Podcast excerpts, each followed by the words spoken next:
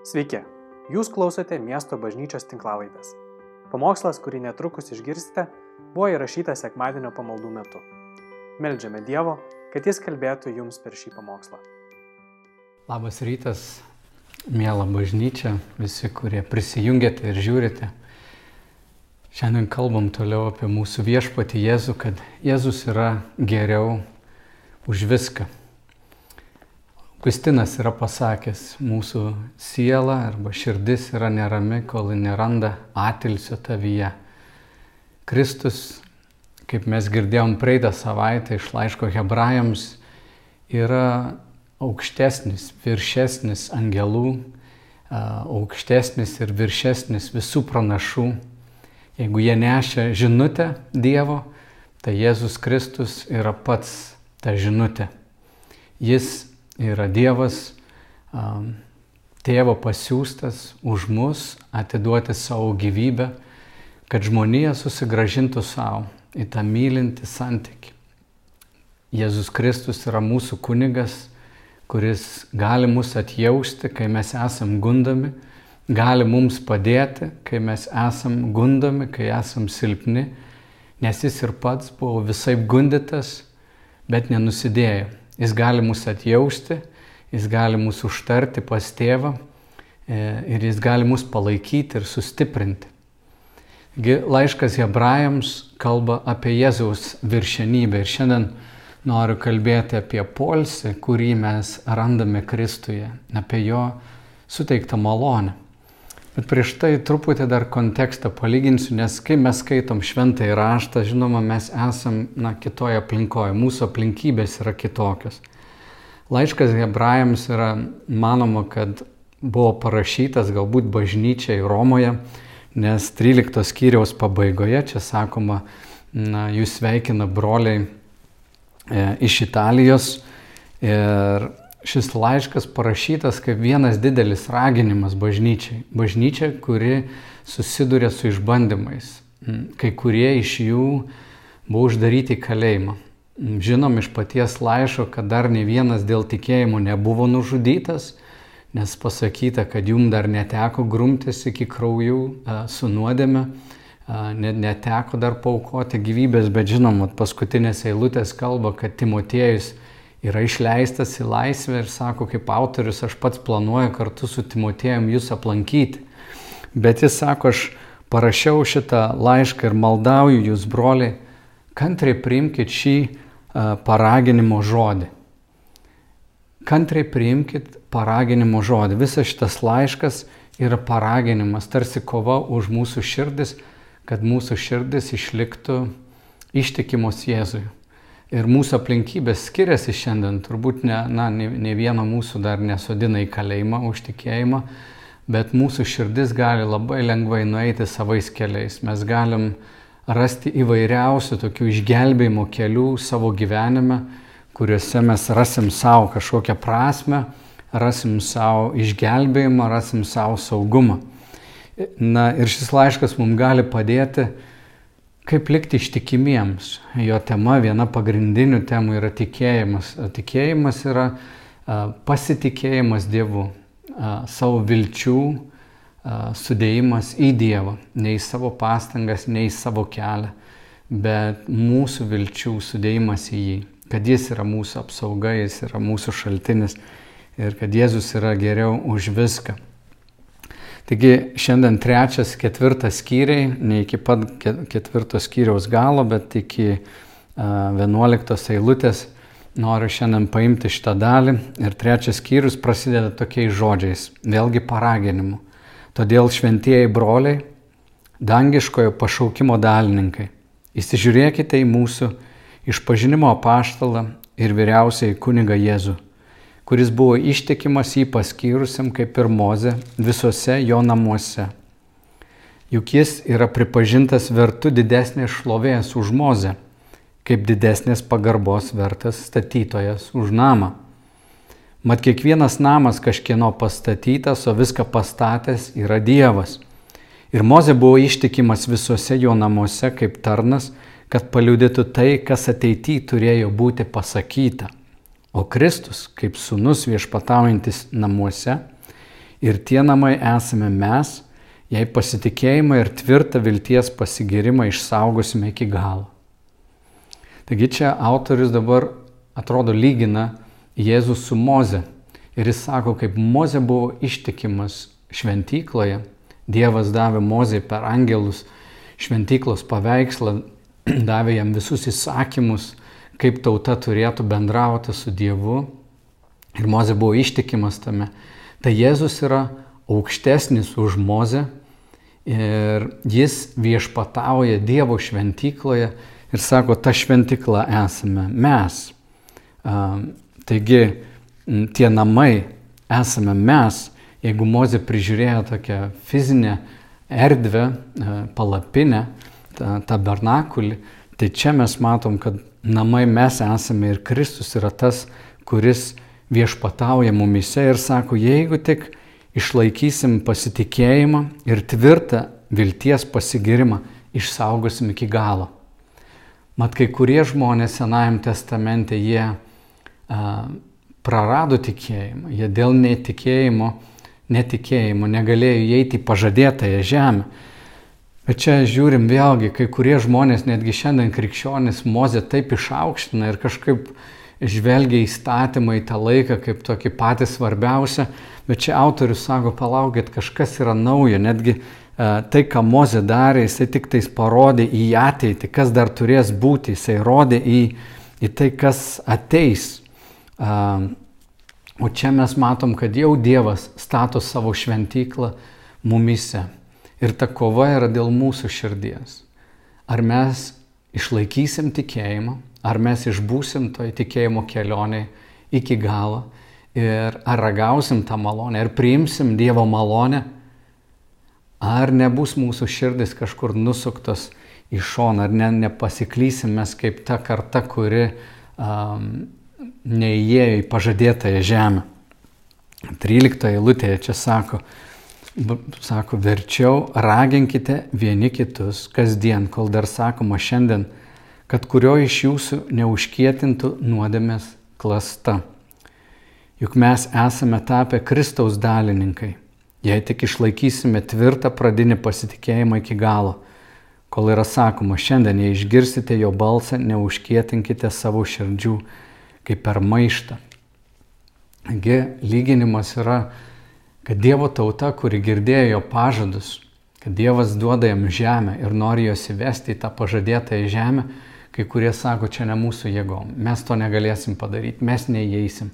Ir jie netikėjo Dievo žodžiu, netikėjo to pažadu, vietoj to jie užsiemė savo būdu, pasitikėjo savimi, kaip jie galėtų išsigelbėti, kaip jie galėtų eiti ir jie sako, na tai mums neįmanoma. Ir tas netikėjimas yra tokia, na, šaknis, kuri gali giliai smigti mūsų širdį, kai mes irgi patys gyvenam nebepasitikėdami Dievu dėl savo išgelbėjimo, dėl savo šventumo. Tokia problema buvo e, ir su šita bažnyčia. Taigi autorius rodo į Senąjį testamentą, kas įvyko, kai tauta užkietino savo širdis, pasipiktino aplinkybėmis. Ir čia mes žiūrime šitą bažnyčią, kai kurie na, Biblijos tyrėjai datuoja šitą laiško parašymą iki 70-ųjų metų, kol dar šventikla Jeruzalėje stovėjo. Ir persekiojimas, kuris buvo galimai, buvo Nerono jau. Ir jeigu šitie tikintieji yra Romoje, tai na, bažnyčia Romoje buvo ir pagonių e, sudėties, ir žydų sudėties. Ir persekiojimai prasidėjo. Mes žinom, kad pradžioje Neronas, jisai kaip imperatorius buvo gan geras, jisai nepersekiojo krikščionių, vėliau kai jis pradėjo perstatinėti Romą, tie persekiojimai vis didėjo ir krikščionis, beauganti tokia nauja religija, buvo nelegali. O žydų religija, judaizmas, buvo legali. Ir bažnyčia čia susidūrė būtent su tokiu išmėginimu, ar mes eisime su Jėzumi.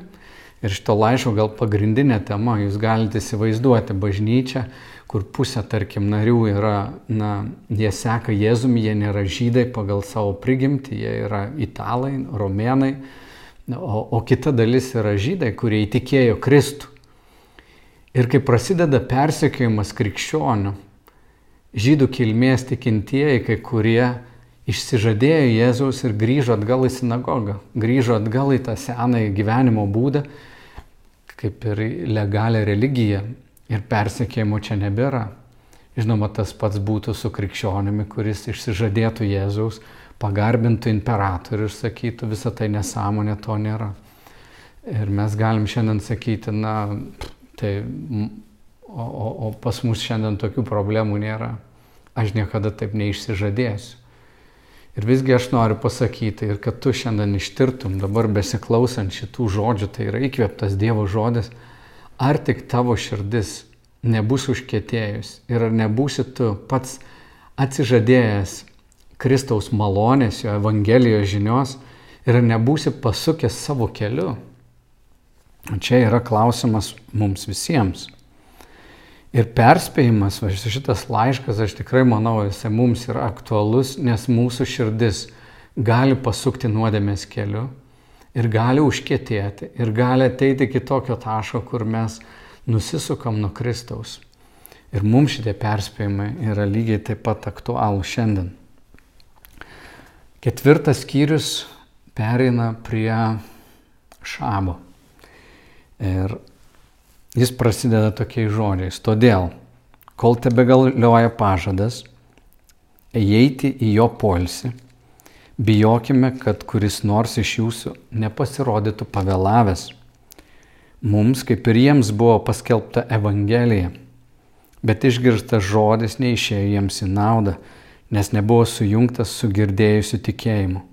O mes, įtikėjusiai, einame į tą polsį, kaip jo parašyta Aš prisekiau savo rūstybę, jie neįeis į mano polsį, nors darbai buvo užbaigti nuo pasaulio sukūrimo. Vėlgi, mes girdim šitą perspėjimo kalbą, ar ne? Tebe galioja pažadas įeiti jo polsį. Ir čia mes kalbam apie, yra šavo polsis ir toj pakalbėsim apie šavo prasme. Bet čia gan taip atrodo gan ironiškai skamba, bažnyčia, kuri yra persekiojama, kuriai atrodo reiktų susiveršti diržus, čia yra kviečiama įeiti į polisį. Kaip Dievas atlikęs visus savo darbus atsisėdo, sako, taip ir visi Dievo darbai yra atlikti nuo pasaulio sutverimo. Dievo prote, nesant laikui ir, ne, ir nesant erdvės apribojimų, Kristaus auka, žmonijos išpirkimas yra tai, kas jau yra įvykę Ir ta Evangelija, ta geroji žinia, kad Kristus mums įskaito savo teisumą. Dievas tėvas mums užskaito Jėzaus teisumą. Čia yra geroji žinia, kad mes negalim savo gerais darbais savęs išgelbėti, išteisinti prieš Dievą ir tuo labiau negalim jokiais būdais pasiekti amžinojo gyvenimo ir kažkaip jį įgyti, su išteisinimu be Kristaus. Nėra tokio kelio. Ir tai yra tas a, pagrindinis polsis, apie kurį čia yra kalbama. Ir sako, visgi galim, a, kaip jisai sako, bijokim, kad kuris iš jūsų nepasirodytų pavėlavęs. Taigi čia sakoma, kad per polsį mes įeinam į, į, į, į na, Kristaus įgalinimą mūsų gyvenime. Man tai skamba taip tikrai tarsi ironiškai, kad tam, kad išliktum stiprus Dieve, tau reikia ne papildomai darbuotis ir labai stengtis, bet atvirkščiai išmokti ilsėtis Kristuje. Mūsų polsis Kristuje yra tai, kas suteikia mums jėgų laimėti dvasiškai ir judėti prieki. Labai panašiai pranašas Izaijas yra užrašęs. 30 skyriuje mes skaitom, taip sako viešpats, Izraelio šventasis. Jei atsigręšite ir nusiraminsite, būsite išgelbėti. Ramume ir pasitikėjime yra jūsų stiprybė. Taigi principas yra toks, jeigu išmoksi ilsėtis Kristuje, tai suteiks tau jėgų laimėti dvasiškai ir išlikti ištikimam iki galo. Bet šiandieninė tikrovė yra mums, man atrodo, daugam yra iššūkis um, nurimti, sustoti. Mes turim problemų visuomeniai, su darboholizmu, tokiu užsisukimu, negebėjimu ilsėtis. Iš to kyla daug psichologinių, tokių socialinių netgi problemų. Aš kažkada skaičiau vieno misionieriaus atsiliepimą, jisai Afrikoje tarnavo, tai suahili kalboje jie turi tokį žodį apie vakariečius baltaodžius, kurie atvažiavo į misijas, e, jie vadina juos mazungų, tai reiškia besisukantis aplink save žmogus. Ir kartais, man atrodo, tai pailustruoja šio laikinio žmogaus gyvenimą. Žmogus mazungų, kuris sukasi aplink save, E, žiūri savo interesų, jis yra užsisukęs savo darbuose, jis žiūri, ką jis padarys, ko jis negali padaryti, jis gal savęs merkia dėl to, ką jis negali padaryti, kas jis nėra, jisai lyginasi, bet daug tokio judesio, tokio, tokios suirutės, sumaišties ir tokio sutrikimo netgi. Žinoma, tai ne visi, aš, aš nenoriu taip apibendrinti, bet ar atpažįsti, kad kartais tu būni tiek įsisukęs, kaip mes na, išgirstam kartais, sako, jaučiuosi kaip, kaip tas dažiurkė tokiam rate besisukanti, tiesiog dienos, savaitės, viskas bėga taip ir aš tarsi įkinkytas į kažkieno tokią, a, tokį jungą ir turiu jį nešti. Tai klausimas, kodėl mes taip dirbam, klausimas, kodėl mes taip stengiamės dirbti, kodėl taip įsisukam, kodėl tas gyvenimas toks kaip tas mazungų e, tampa Man atrodo, kad tai vyksta dėl to, kad jaučiamės, jog mes turim patys save aprūpinti. Daugelį iš mūsų darbas tampa mūsų tapatybė. Ir dar mes norim įtikti kitiems. Mums labai svarbu, ką kiti pagalvos.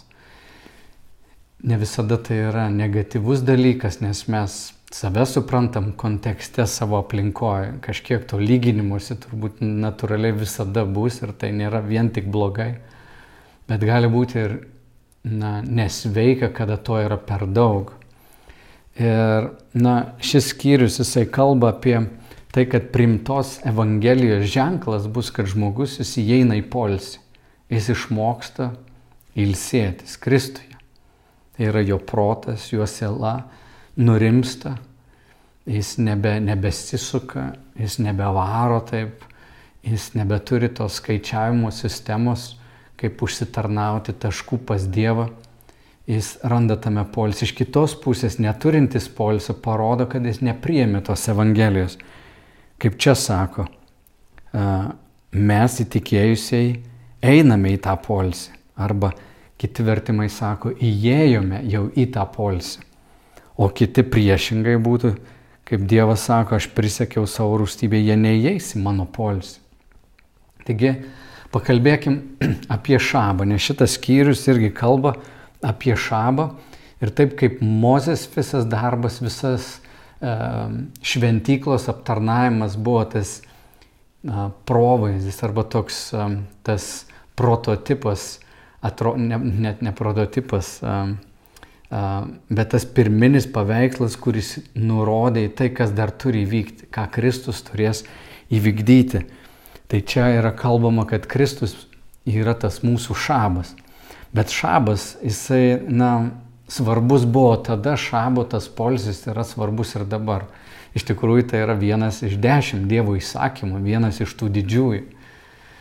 Žinai, kartais mes galim užduoti kam nors klausimą, sakai, kaip, kaip tau sekasi, sako, nu, šiaip fainai, fainai sekasi, bet um, aš um, jau neturėjau išeiginės du mėnesius, um, labai užsijėmęs, labai stipriai dirbu. Ir mes kartais net gal taip vertinam kaip darbštus, fainas, tikrai žmogus, labai atsakingas, kad tiek daug dirba. Bet tai yra ir Dievo įsakymo laužimas, atsisakyti paskirti vieną dieną savaitę, kada tu sustoji ir nebedirbi. Daug keiščiau būtų, jeigu ar ne, paklaustum žmogaus ir sakytum, kaip tau sekasi, sako, nu, sekas man labai gerai, nu, tik gal truputį per daug mėgų su kaimynu žmona. Mūsų tai šokiruotų, sakytum, pala, pala, tu ką, ką pasakėjai. Tai irgi vienas iš dešimties Dievo įsakymų. Tai va, šabą mes lengvai laužom, bet jeigu kaimynas per daug miega su, su, žinai, su tavo žmona ar, ar, ar, ar su kito žmona, sakytų, na čia jau didžioji nuodėmė. Um, šabas buvo sukurtas žmogui. Pirmas toks dalykas apie šabą. Šabas yra įsteigiamas sukūrimo metu ir rodo, kad Dievas yra gyvenimo esmė ir mūsų aprūpintojas. Paklausyk išeimo knygoje 30 skyrius sako, šešias dienas dirbk ir atlik visus savo darbus, o septintoji diena yra sabatas viešpačiui, tavo Dievui. Joje nevalia dirbti jokio darbo nei tau, nei tavo sūnui ar dukteriai, nei tavo tarnui ar tarnaitai, nei tavo gyvuliui, nei ateiviui, kuris yra tavo namuose. Nes per šešias dienas viešpat sukūrė dangų ir žemę, jūrą ir visą, kas juose yra, o septintąją dieną ilsėjosi. Todėl viešpats palaimino sabatą ir pašventino jį. Taigi šabas jis turi priminti mums, kad Dievas yra gyvenimo esmė. Žmogus nebuvo sukurtas visų pirma darbui, jis buvo sukurtas šabui. Ir mes esam sukurti nedirbti, bet mes esam sukurti Dievui. Ir Dievas mums duoda šabą tą dieną, kad mes turėtumėm jį pripažinti, jame ilsėtis, jame guostis, jį girti, jam dėkoti už tai, ką jisai davė mums. Mes esame apdovanoti. Dievas tokį ritmą įdėjo žmogui, kad žmogus džiaugtųsi savo darbu, dirbtų jį šešias dienas, bet septintą paskirtų tokiam polsiui. Na ir šabas dar turi mums priminti, kad Dievas yra mūsų aprūpintojas. Mes visi turim užsidirbti savo pragyvenimui, bet Dievas norėjo palikti tokią dieną, kurią mes nedirbam ir sakom, Dieve ilsėsimės, tu esi mūsų aprūpintojas. Aš suprantu, kad esu sukurtas tau ir tu esi mano aprūpintojas. Mano problemos yra tavo Dievo problemos. Ir tai yra pasitikėjimo ženklas. Antras dalykas, šabas įsteigiamas, kad mes galėtumėm apmastyti savo išgelbėjimą. Pakartoto įstatymo knygoje pasakyta, sabato dieną šves, kaip viešpats tavo Dievas įsakė. Šešias dienas dirb visus savo darbus, o septintoji diena yra sabatas viešpačiui tavo Dievui. Ta diena nedirb jokio darbo, nei tu, nei tavo sunus, nei duktė, nei tarnas, nei tarnaitė, nei tavo jautis, nei asilas, nei joks tavo gyvulys, nei ateivis, kuris yra tavo namuose kad tavo tarnas ir tarnaitė pailsėtų taip pat, kaip ir tu. Atsimink, kad ir pats buvai vergas Egipte ir iš ten tave išvedė viešpats, tavo Dievas galinga ranka. Todėl jis tau įsakė švęsti sabato dieną. Atsimink, kad buvai vergas ir atsimink, kad Dievas išvedė tave iš Egipto. Todėl jis tau įsakė švęsti sabato dieną. Tai yra pridedamas dar vienas dalykas, jeigu pradžioje buvo sukūrimo istorija, ar ne, kad Dievas ilsėjusis pašventina tą dieną, tai paskui jis rodo dar vieną priežastį, kodėl žmogus turėtų švęsti šabą. Dievas yra gelbėtojas, jis išveda iš vergystės, išveda iš a, tironijos, iš tam tokio prispaudimo, iš to vargo, a, kurį žmogus turi ir jisai gali ilsėtis. Bet trečias dalykas, ir čia, va, kur mes prieinam prie laiško Hebrajams ketvirtos skyriaus, šabas įsteigiamas irgi kaip ženklas, rodantis į galutinį mūsų polsi Kristuje. Į ketvirtos skyriaus devinta eilutė sako, taigi sabato polsis tebe pasilieka Dievo tautai, nes kas įeina į jo polsį, taip pat ilsisi po savo darbų, kaip Dievas ilgėjosi E, ilsėjosi po savųjų.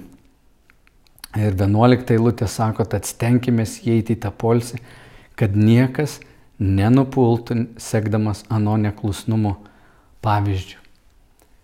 Taigi mes kaip žmonės a, matome tą Dievo išgelbėjimo kelią, kad tikrasis polsis ir yra Kristuje.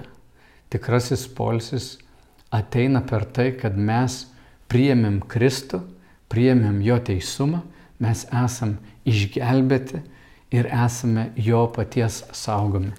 Kristus yra tas didysis sabatas. Ir šitas laiškas ir sako, kad, na, vieni jie atmetė Evangeliją, žiūrėkit, kad ir jūs neišsižadėtumėte Evangelijos, nenusisuktumėt nuo to didžiojo sabato, tai yra paties Kristaus, kuris atneša mums dvasinį poilsį. Ir čia tokius keturis dalykus norėčiau paminėti, apie patį Kristų. Pirma, tai yra, kad Kristus yra mūsų teisumas. Kristus yra mūsų teisumas. Jis įvykdė atpirkimo darbą, jis atsisėdo Dievo tėvo dešiniai, jis pridengė mūsų tą nuogumą dėl nuodėmingumo ir netinkamumo prieš Dievą, jis mus aprengė. Ir tu nebegali nieko padaryti, kad Dievas tave mylėtų mažiau ir nieko nėra, ką tu būtum padaręs, dėl ko Dievas galėtų tave a, mylėti mažiau. Bet ir nieko, ką tu padarysi, kad tave Dievas mylėtų labiau. O tame yra polisis mūsų teisumas, kaip a, nuosavas teisumas, kaip purvinis karmalai. Mes ateinam, atiduodam Dievui savo nuodėmės, savo trūkumus, pripažįstam juos. Dievas mums duoda teisumą Kristui. Antras Kristus yra mūsų tapatybė. Vėlgi, mūsų tapatybė natūraliai kaip žmogui dažnai būna mūsų darbas, mūsų pažintis, mūsų pasiekimai, mes tu apsirengiam. Juk kai susitinki, ar tai giminiai kažkur, ar, ar kokioje darbovietėje, ar, ar dar kokioje viešoje aplinkoje, žmonės nori sužinoti, kas tu. Tai kas tie tavo kozeriai, arba kas, kas ta socialinė valiuta, kas tas kapitalas tavo. Dažnai tai ir bus, ką mes dirbam, pažy, ką pažįstam, ką esam gyvenime pasiekę. Ir tai yra toks, na, stiprus tikrai a, tas mūsų a, pamatas, ant kurio mes visuomeniai stojam. E, psichologai sako, kad mes turim poreikį jaustis švarus, saugus ir reikšmingi. Tai yra tokias, na, gil, gilus vidinis poreikis. Taip kaip mes turim alkį savo fizinį kūną ar ne pamaitinti, jaučiam alkį, taip mūsų ta siela, jinai turi tokį kaip alkį, jaustis švariai, jaustis saugiai, na ir jaustis reikšmingai. Ir kai sakom, kad Kristus yra mūsų tapatybė, mes iškeliam tai kaip aukščiausią dalyką savo tapatybės, na, pamato. Ir paskui jau ant to galim dėti kitus dalykus, bet Kristus yra tas pamatas. Pirmam laiške korintiečiams skaitom, kai kurie iš jūsų buvo tokie, bet dabar esat nuplauti, pašventinti ir išteisinti viešpaties Jėzaus Kristaus vardu ir mūsų Dievo dvasia. Taigi, kaip psichologai sako, nori jausti švarus, paštalas sako, jūs esat nuplauti, jums atleista jūsų nuodėmės. Pašventinti tu nori jaustis saugus, tai pašventinimas reiškia, kad tu esi atskirtas, paimtas Dievo į jo glėbį. Jis tave priglaudė, Kristuje Jėzuje. Amžinas sandorą su tavimi sudarė. Ir išteisinti, tai reiškia, kad aš patiriu reikšmę. Dievas mane iškėlė, jis pastatė mane a, kaip Kristų tame pačiame lygyje. Davė man Kristaus status, išteisino, tarsi nebūčiau niekada nusidėjęs. Taigi ta, pati, ta tapatybė, kad Kristus yra mano tapatybė, jis yra mano gynėjas, yra tikras dalykas, kuris nuramina mano sielą. Jis yra tas šaltinis gauti mums saugumą, gauti mums reikšmę tokią. Ir trečias dalykas, Kristus yra ir mūsų na, saugumas. Romiečiams laiške pasakyta tas, kuris nepagailėjo savo sunaus, bet atidavė jį už mus visus, kaipgi jis ir visko nedovanotų kartu su juo. Kristus yra mano apsauga, mano saugumas. Ar gali Kristus būti mano sveikatos apsauga, socialinė apsauga? Ar aš pasikliauju tik tais visuomeniai sukurta sistema? Tai va šabas, net jo šventimas praktiškai ir mūsų sielos pasirinkimas ilsėtis Kristaus atliktame darbe, tai ką jis padarė dėl mūsų, yra tikras parodimas, ar aš pasitikiu Dievu. Iš vienos pusės tikrai mes visi galim sakyti, na, aš negaliu savo leisti nedirbti. Jeigu aš nedirbsiu, aš ir nevalgysiu. Raštas moko, kad mes turėtumėm dirbti. Bet mūsų pasitikėjimas arba saugumas nėra mūsų darbe. Labai panašiai yra su dešimtine. žmogus sako, aš negaliu savo leisti atiduoti dešimtinės Dievui, aš nepragyvensiu. Tai šabas ir dešimtinis aukojimas yra labai tokie panašus dalykai, kurie labai rodo, kur mūsų širdis yra. Ir pažiūrėk, ar tavo širdis nebus užkėtėjusi. Jeigu tu negali sustoti, švesti šabo, jeigu Kristus nėra tavo saugumas, tavo tapatybė, tai greičiausiai tu pasitikė kažkokiu kitu keliu, tu turi kitą išeitį, tu turi kitą kelią. Ir gali atmesti Kristaus viešpatystę savo gyvenime. Jeigu tu nemoki dešimtinis, Dievui neaukoji jos, irgi rodo, kad tu nepasitikė Dievu. Tai principas yra toks dešimtinis. Aš duodu 10 procentų Dievui ir jis padaugina mano 90. Man tai atrodo visai geras susitarimas. Aš kai tik įtikėjau, kažkaip perskaičiau Biblijoje apie dešimtinę, draugai mano aukojo dešimtinės ir nuo to laiko aš visada, kiekvieną mėnesį, pirmas dalykas, ką aš darau, Dieve, tu esi mano gyvenimo prioritetas, tu esi mano aprūpinimas, mano saugumas, 10 procentų aš tau aukoju. Šitas principas yra toks svarbus, kad jis yra atlaikęs, na, tūkstantmečių iš tikrųjų spaudimą žmonės, kurie gyvena, sakyčiau, laimingai ir kurie turtėja, yra išmokę šitą principą, netgi kai kurie netikinti žmonės, jie supranta, kad tai yra kažkoks dvasinis principas. Apie tai aš planuoju gegužės mėnesį daugiau mokyti, bet tai yra tikras principas, kuris parodo, kur tavo širdis yra. Ir jeigu tu neaukoji dešimtinės Dievui, tu jam net neši to, ką jis savo žodį ragina savo tautą daryti, tai greičiausiai tavo širdį jau yra ta netikėjimo šaknis, kur tu galvo, aš turiu save aprūpinti, aš negaliu savo leisti sustoti ir e, nedirbti ir negaliu leisti savo paukoti Dievui. Tai jau yra ženklai, kurie rodo, kad tu statai save į centrą, tu esi savo gyvenimo viešpats, aprūpintojas ir Dievas yra tavo toks, na, paraštėse esantis. Gal kai bus blogai, tu pasišauksiai, bet tai yra labai konkretus dalykai, kurie rodo, kas vyksta tavo širdyje. Klausimas, kodėl tiek daug žmonių jaučia stres? Dėl to, kad neša tą naštą, kurios Dievas neuždėjo nešti. Mes negalim panešti visų naštų. Žmogus nėra sukurtas gyventi nepriklausomą gyvenimą nuo savo kurėjo. Kaip pačioj pradžioj paminėjau, širdis nėra spolsio, kol galiausiai netrasto atilsio savo kuriejai. E, žiūrėkit, labai faina psalmė. 127 sako, jei viešpats nestato namų, veltui vargsta statytojai. Jei viešpats nesaugo miesto, veltui būdi sargai. Veltui keliatės prieš aušrą ir vargstate lik vėlyvos nakties. Jūs valgote vargo duoną o savo mylimajam viešpats duoda miegą. Galim labai daug stengtis, labai galim įsitemti ir bandyti iš visų jėgų sutvarkyti savo gyvenimą.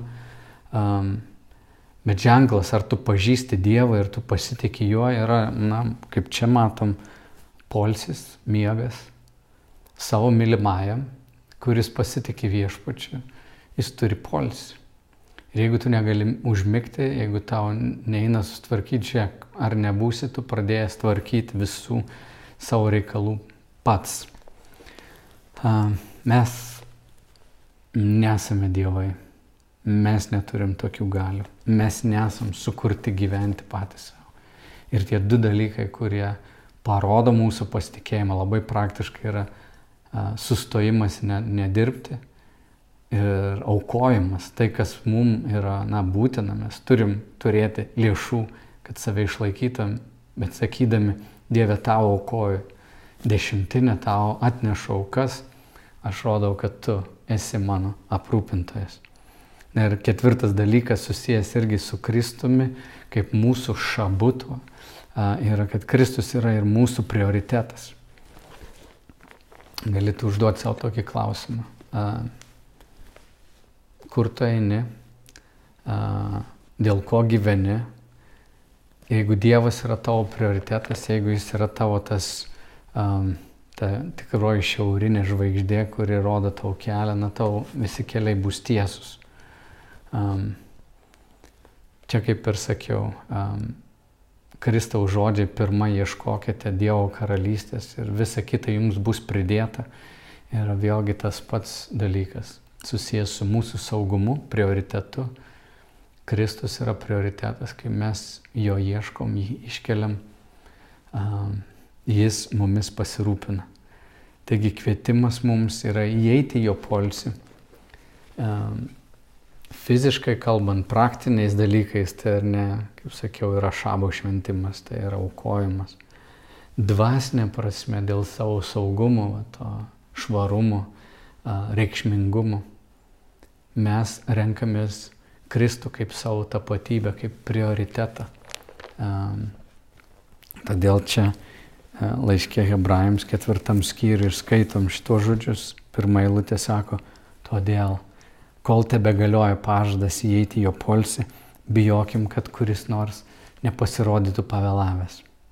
Septinta eilutė sako, šiandien išgirsite jo balsą, neužkietinkit savo širdžių. Ir vienuoliktas sako, tad stenkimės įeiti į tą polsį, kad niekas nenupultų, sekdamas ano neklusnumo pavyzdžių. Tai mums kaip tikintiesiems pasilieka Dievo polisis. Mes atsisakydami patys viešpatauti savo gyvenime, pasitikėdami jo, iškeldami Jėzų aukščiau visų kitų kelių, kurie mums suteiktų saugumą, tą užtikrintumą, kažkokį nuosavą teisumą, rinkdamiesi Kristų, um, galim išlikti ištikimi iki pat galo.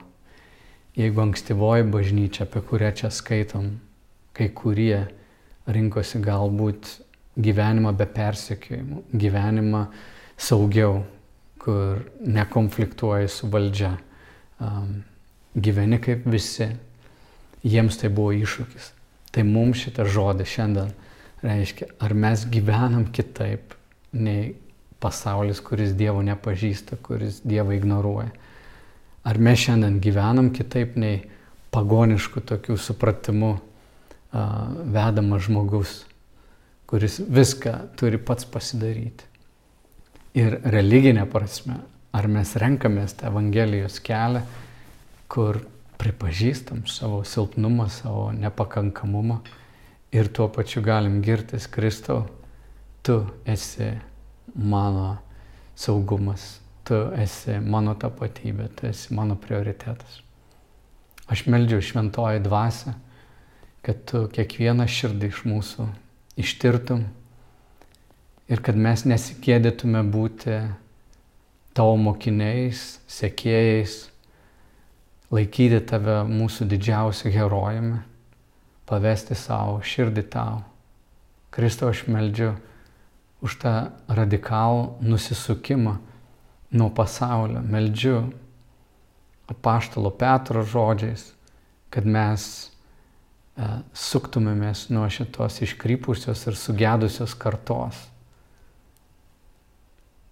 Kristau, išgrynink mūsų širdis, pritraukęs arčiau ir meldžiu, kad jeigu dabar kažkas klausosi šitų žodžių, yra nustojęs sekti tavimi, nutolo nuo tave, sugražink. Duok atgailos malonę, kad jiem nereiktų gailėtis, kad vieną dieną jų širdis nebūtų taip užkėtėjus, kur net nebėra galimybės atsisukti atgal. Aš meldžiu Kristau, suteik tą malonę dabar sekti tavimi iki galo. Meldžiam visai bažnyčiai, visoms Dievo bažnyčiams Lietuvoje. Amen. Ačiū, kad klausėte. Daugiau informacijos apie miesto bažnyčią rasite internete www.n-b.lt arba Facebook, Instagram bei YouTube paskiruose.